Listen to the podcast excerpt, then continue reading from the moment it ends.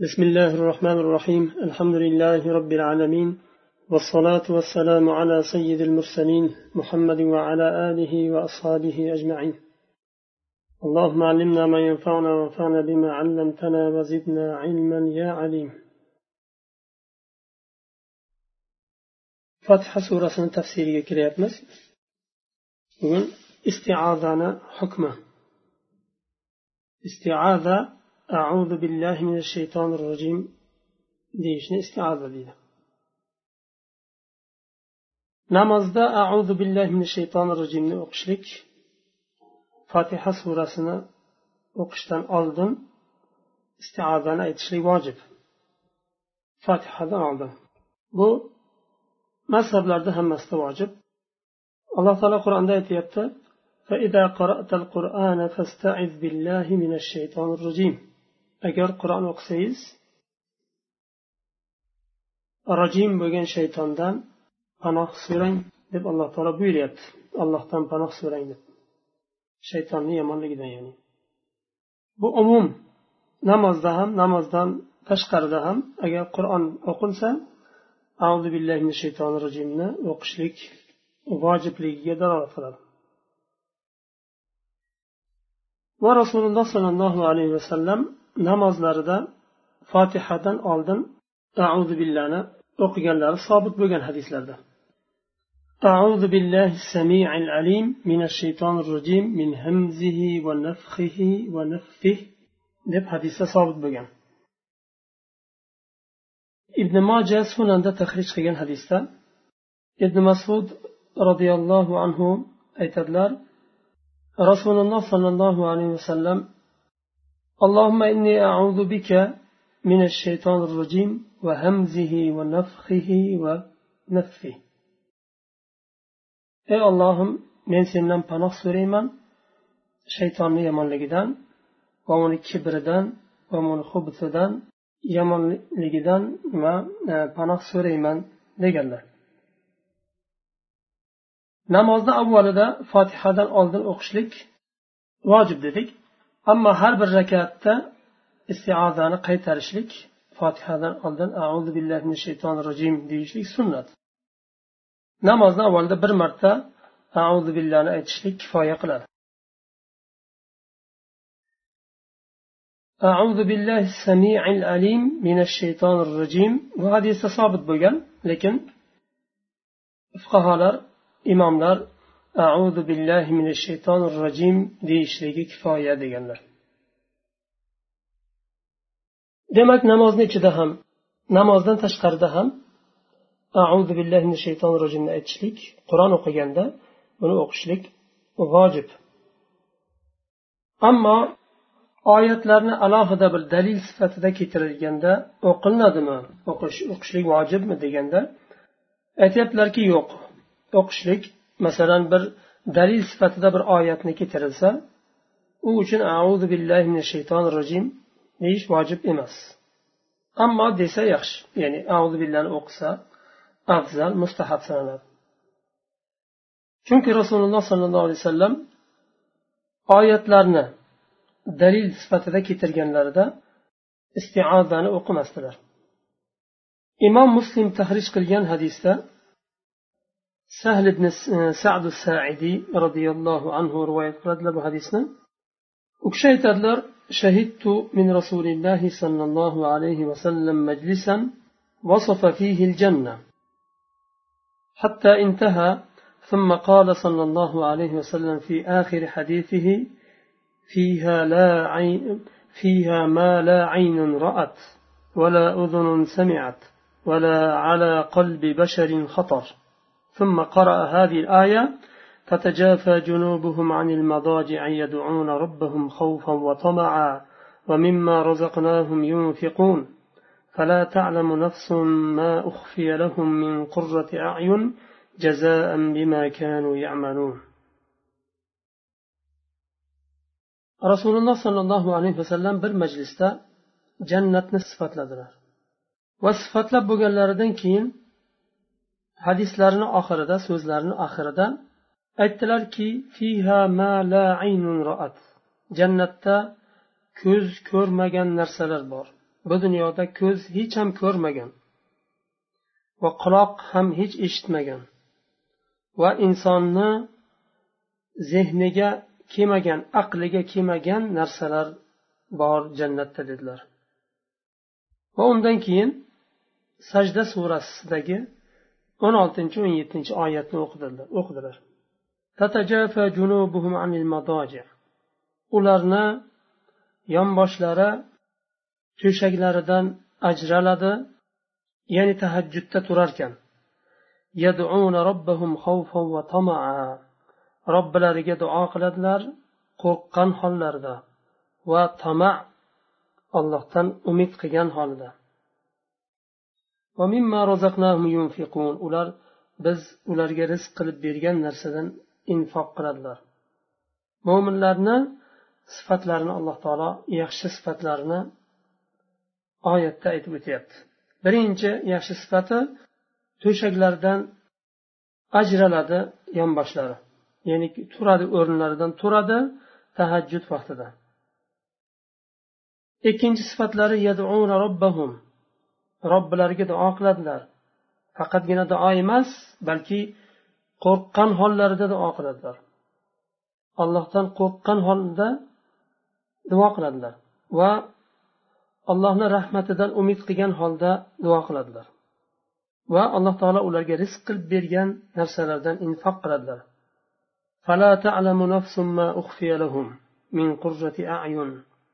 Biror bir nafs bilmaydi u uchun ko'zni quvontiradigan maxfiy qo'yilgan narsani bilmaydi.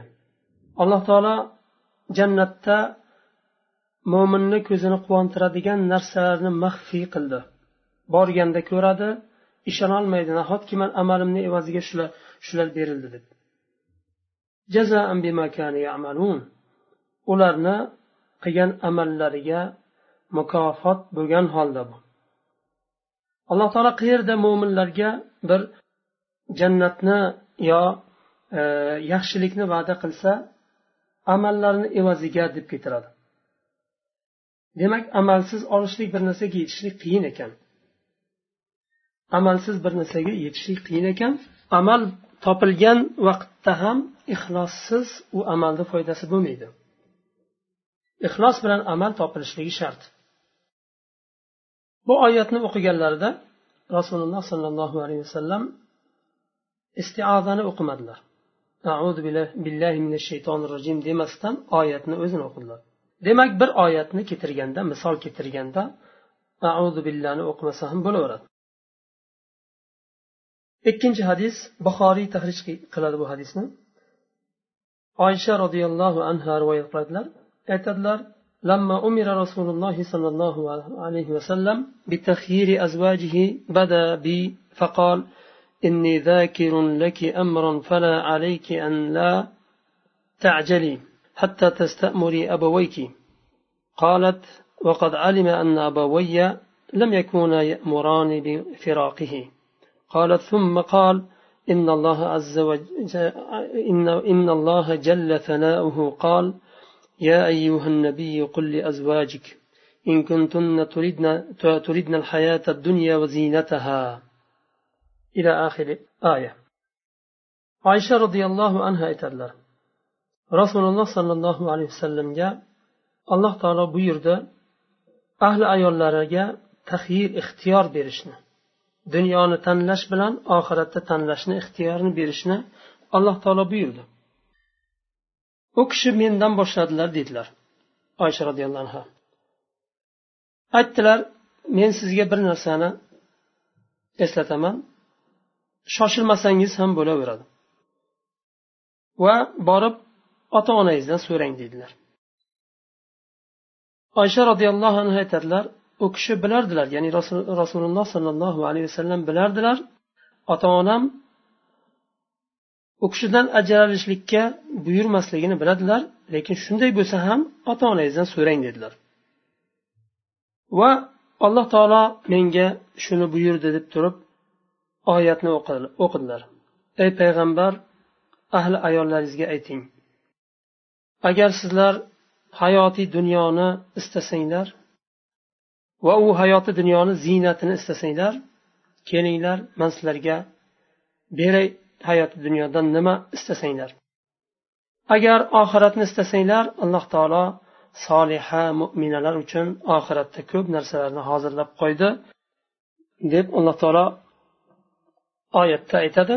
Buni rasululloh sollallohu alayhi vasallam auzu billahi min shaytonir rojimni o'qimasdan oyatni keltirdilar. Demak bu ham dalil oyatni alohida o'qiganda istiodani o'qimasa ham bo'laveradi uchinchi hadisni keltirganlar imom termiziy rahimaulloh rivoyat qilgan hadisda tahrij qilgan hadisda nu'mar ibn bashir roziyallohu anhu rivoyat qiladilar bu hadisni aytadilar sami'tu nabiy sollallohu alayhi vasallam yaqul الدعاء هو العبادة ثم قرأ وقال ربكم ادعوني أستجب لكم إن الذين يستكبرون عن عبادتي سيدخلون جهنم داخرين nu'man ibn bashir roziyallohu anhu aytadilar rasululloh sollallohu alayhi vasallam shunday deganlarini eshitdim. Duo bu ibodatdir. Duo bu ibodatdir. Undan keyin shu oyatni o'qidilar. Robbilaringiz aytdi duo qilinglar men ijobat qilaman sizlarga.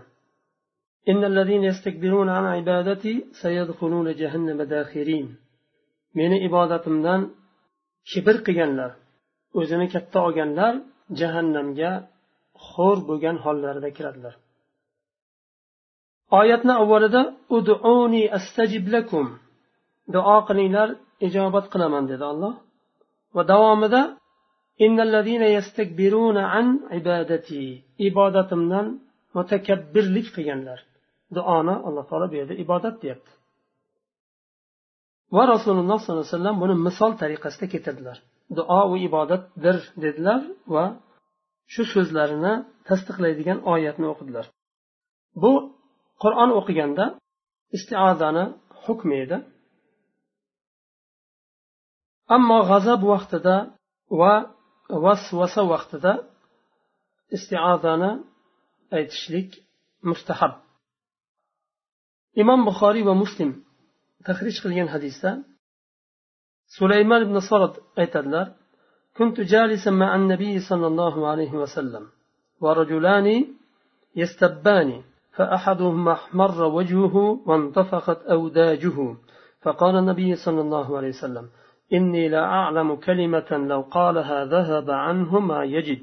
لو قال أعوذ بالله من الشيطان الرجيم ذهب عنه ما يجد. sulaymon ibn sorat aytadilar rasululloh sollallohu alayhi vasallam bilan o'tirgandim. Ikki kishi bir birini haqorat qilib boshladi. Va birisini yuzi qizardi va bo'yinlari shishib boshladi g'azabidan. Buni ko'rgan rasululloh sollallohu alayhi vasallam aytdilar men bir kalimani bilaman. Agar kim shuni aytsa g'azabi tarqaydi dedilar. Va auzu billahi mina shaytonir rojim desa u o'zida his qilgan narsa ketadi dedilar.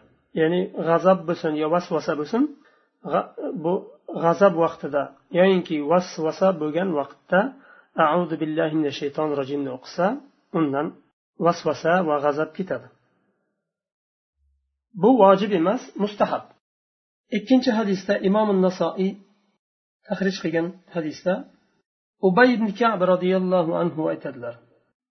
Ikki kishi rasululloh sollallohu alayhi vasallamni yonlarida tortishadi va unda ham bu hadisda ham aynan nima? Ikkalasi tortishganda g'azablanadi birisi va rasululloh alayhi vasallam billahi shaytonir rojimni aytishlikni tavsiya qiladilar. Imom muslim tahrij qilgan hadisda osmon ibn abil as roziyallohu anhu rivoyat qiladilar bu hadisni. U kishi aytadilar qultu ya rasululloh إن الشيطان قد حال بيني وبين صلاتي يلبسها علي. فقال رسول الله صلى الله عليه وسلم ذلك شيطان يقال له خنزب فإذا أحسسته فتعوذ بالله منه وادفل عن يسارك ثلاثا. u kishi aytadilar yo rasululloh shayton men bilan namozimni o'rtasini to'sdi va qorishtirdi meni namoz namozda deydilar. Rasululloh sallallohu alayhi vasallam aytadilar bu shaytondir uni oti xinzab. Xinzab degan bir shayton u. Namozni buzish uchun keladigan bir shayton. Agar buni sezsangiz yana bir marta kelsa sizni yoningizga istiodani o'qing. Auzu billahi minash shaytonir rojim rojim deng va chap tarafingizga uch marta tupuring. U kishi aytadilar shunday qilgandim alloh taolo mendan u shaytonni ketkazdi bu vasvasa vaqtida va g'azab vaqtida istiodani o'qishlik mustahab ya'ni auzu billahi min shaytonir rojim degani alloh taolodan panoh so'rayman. Panohida bo'lishimni ollohdan so'rayman. Nimadan? Shaytonni yomonidan yomonligidan. Dinim uchun dunyom uchun yomonlik kelishidan shayton tarafidan allohdan panoh so'rayman degan mazmun. Endi bismillahi rohmanir rohimni hukmi. Bismillahi rohmanir rohim deganda ism. İsm samava degan so'zdan olingan sumuv sumuv degani oliylik b bismillahi b yordam ma'nosida berilgan ya'ni bismillahi allohni ismi bilan yordam so'rayman degani imom muslim tahrij qilgan hadisda abu hurayra roziyallohu anhu aytadilar قال رسول الله صلى الله عليه وسلم إن لله تسعة وتسعين اسما إن لله تسعة وتسعين اسما مئة إلا واحدة من أحصاها دخل الجنة الله to'qson to'qqizta ismi bor kim buni hisoblasa jannatga kiradi sanasa ya'ni ahsoha ehso bir narsani hisoblab chiqmoq ya'ni kim ularni bilsa o'rgansa allohni ism sifatlarini tanisa o'rgansa bilsa shularni degan mazmunda. Bismillahi rohmanir rohim bu naml surasidan bir oyat. Naml surasini orasida keladigan o'rtalarida keladigan bir oyat. Innaha min sulaymana va innahu bismillahi rohmanir rohim naml surasini ichida keladi. Olimlarni ittifoqi bilan naml surasida kelgan bismillah bismillahi rohmanir rohim u qur'on oyatlaridan biri. Lekin boshqa yerda har bir surani avvalida keladi unda ixtirob bo'lgan. Ba'zilar fotiha surasidan bir oyat boshqa suradan oyat hisoblanmaydi deganlar bor. Imom shofiy mazhabida masalan har bir surani avvalida oyat hisoblanadi. Birinchi oyat hisoblanadi. Imom malikda birorta ham suradan oyat hisoblanmaydi. Mazhablar o'rtasida ixtirob bo'lgan bismillahni hukmi. Lekin rojih bo'lgan qovul u nimada? E, Fotiha surasida e, birinchi oyat hisoblanadi. Buni dalili dori qutniy va bayhaqiy tahrij qilgan hadisda abu hurayra roziyallohu anhu aytadilar rasululloh sollallohu alayhi vasallam aytdilar agar alhamdulillahni o'qisanglar bismillahi rohmanir rohimni o'qinglar dedilar ya'ni shu fotihani o'qiganda bismillohni o'qishlikni buyurdilar demak bu fotihani birinchi oyati hisoblanadi uchun buyurdilar dedilar إنها أم القرآن وأم الكتاب وسبع المثاني bu fotiha surasi ummul qur'on fotiha surasini otlaridan uchtasi bu yerda sanab o'tilindi ummul qur'on va ummul kitob va sabul matani bu fotiha surasini ismlari imom shofiy aytadi bu fotiha surasidan oyat va yuqoridagi hadisni dalil qiladi va u kishini mazhabida imom shofiyni mazhabida fotiha surasidan birinchi oyat bo'lganligi uchun namozlarda jahriy o'qilinadi.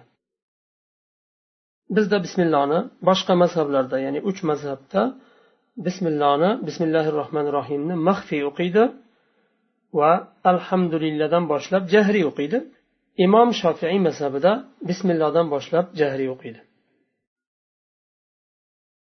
xulafa roshidin va ko'p aksar sahobalar bismillohni jahriy o'qishmagan maxfiy o'qishgan namozda bismillohni o'qishlik vojib chunki fotiha surasidan birinchi oyat hisoblanadi imom nasoiy tahrij qilgan hadisda sahih san'at bilan naim naim mujammar aytadilar صليت وراء أبي هريرة فقرأ بسم الله الرحمن الرحيم ثم قرأ بأم القرآن. أبو هريرة رضي الله عنه أرقصتن نماز قدم بسم الله الرحمن الرحيم. o'qidilar undan keyin fotiha surasini o'qidilar va hadisni oxirida aytadilar abu hurayra roziyallohu anhu aytganlar والذي نفسي بيده إني لأشبهكم صلاة برسول الله صلى الله عليه وسلم. Ruhim uni qo'lida bo'lgan zotga qasamki men rasulullohni sollallohu alayhi vasallamni namozlariga meni namozim eng o'xshaydigan namoz. Ya'ni e, rasulullohni qanday o'qigan bo'lsalar man ham shunday sizlarga o'qib ko'rsatdim deydilar. Imom buxoriy tahrij qilgan hadisda anas ibn molik roziyallohu anhu aytadilar. أن النبي صلى الله عليه وسلم وأبا بكر وعمر كانوا يفتتحون الصلاة الحمد لله رب العالمين. رسول الله صلى الله عليه وسلم أبو بكر وعمر نمازنا الحمد لله رب العالمين دان الله يعني جهري bismillani jahriy o'qimasdilar maxfiy o'qidilar الحمد لله جهري jahriy boshlardilar imom muslim tahrij qilgan hadisda سمعت قتادة يحدث عن أنس قتادة رضي الله عنه أنس رضي الله عنه دن rivoyat qilyaptilar. Anas roziyallohu anhu aytadilar صليت مع رسول الله صلى الله عليه وسلم وأبا بكر وعمر وعثمان فلم أسمع أحدا منهم يقرأ بسم الله الرحمن الرحيم رسول الله صلى الله عليه وسلم بلن وأبو بكر عمر وعثمان بلن نماز أقدم ularni birortasi bismillahi rohmanir rohim bilan namozni boshlamadi ya'ni bismillahni doim maxfiy o'qirdilar imom nasoiy va ibn hibbon rahimahulloh tahrij qilgan hadisda anas ibn molik roziyallohu anhu aytadilar bu hadisni ham sanadi sahih صليت خلف رسول الله صلى الله عليه وسلم وخلف أبي بكر وعمر وعثمان وكانوا لا يجهرون ببسم الله الرحمن الرحيم. أنس بن مالك رضي الله عنه يتدلى من رسول الله صلى الله عليه وسلم وأبو بكر عمر وعثمان. ولن استنى نماز أقدم. بسم الله نا جهري أقم استلال إمام ابن القيم رحمه الله يتدلر rasululloh sollallohu alayhi vasallam ba'zida bismillahi rohmanir rohimni jahriy o'qiganlar. Chunki ba'zi sahobalar rivoyat qilgan jahriy o'qidilar deb. Sahobalar hammasi odil yolg'on gapirmaydi. Shuning uchun rivoyatlarga qaraganda ko'proq hadislar bismillah nima basmala maxfiy o'qilgan. Lekin ba'zi hadislarda kelgan jahriy o'qiganlari. Ibn qayim rahimaulloh aytadilar ko'pincha e, maxfiy o'qiganlar bismillahni va ba'zida jahriy qilganlar. Imomlardan abu hanifa imom savriy ahmad ibn hambal bular bismillohni jahriy o'qilmaydi maxfiy o'qiladi deydilar namozda.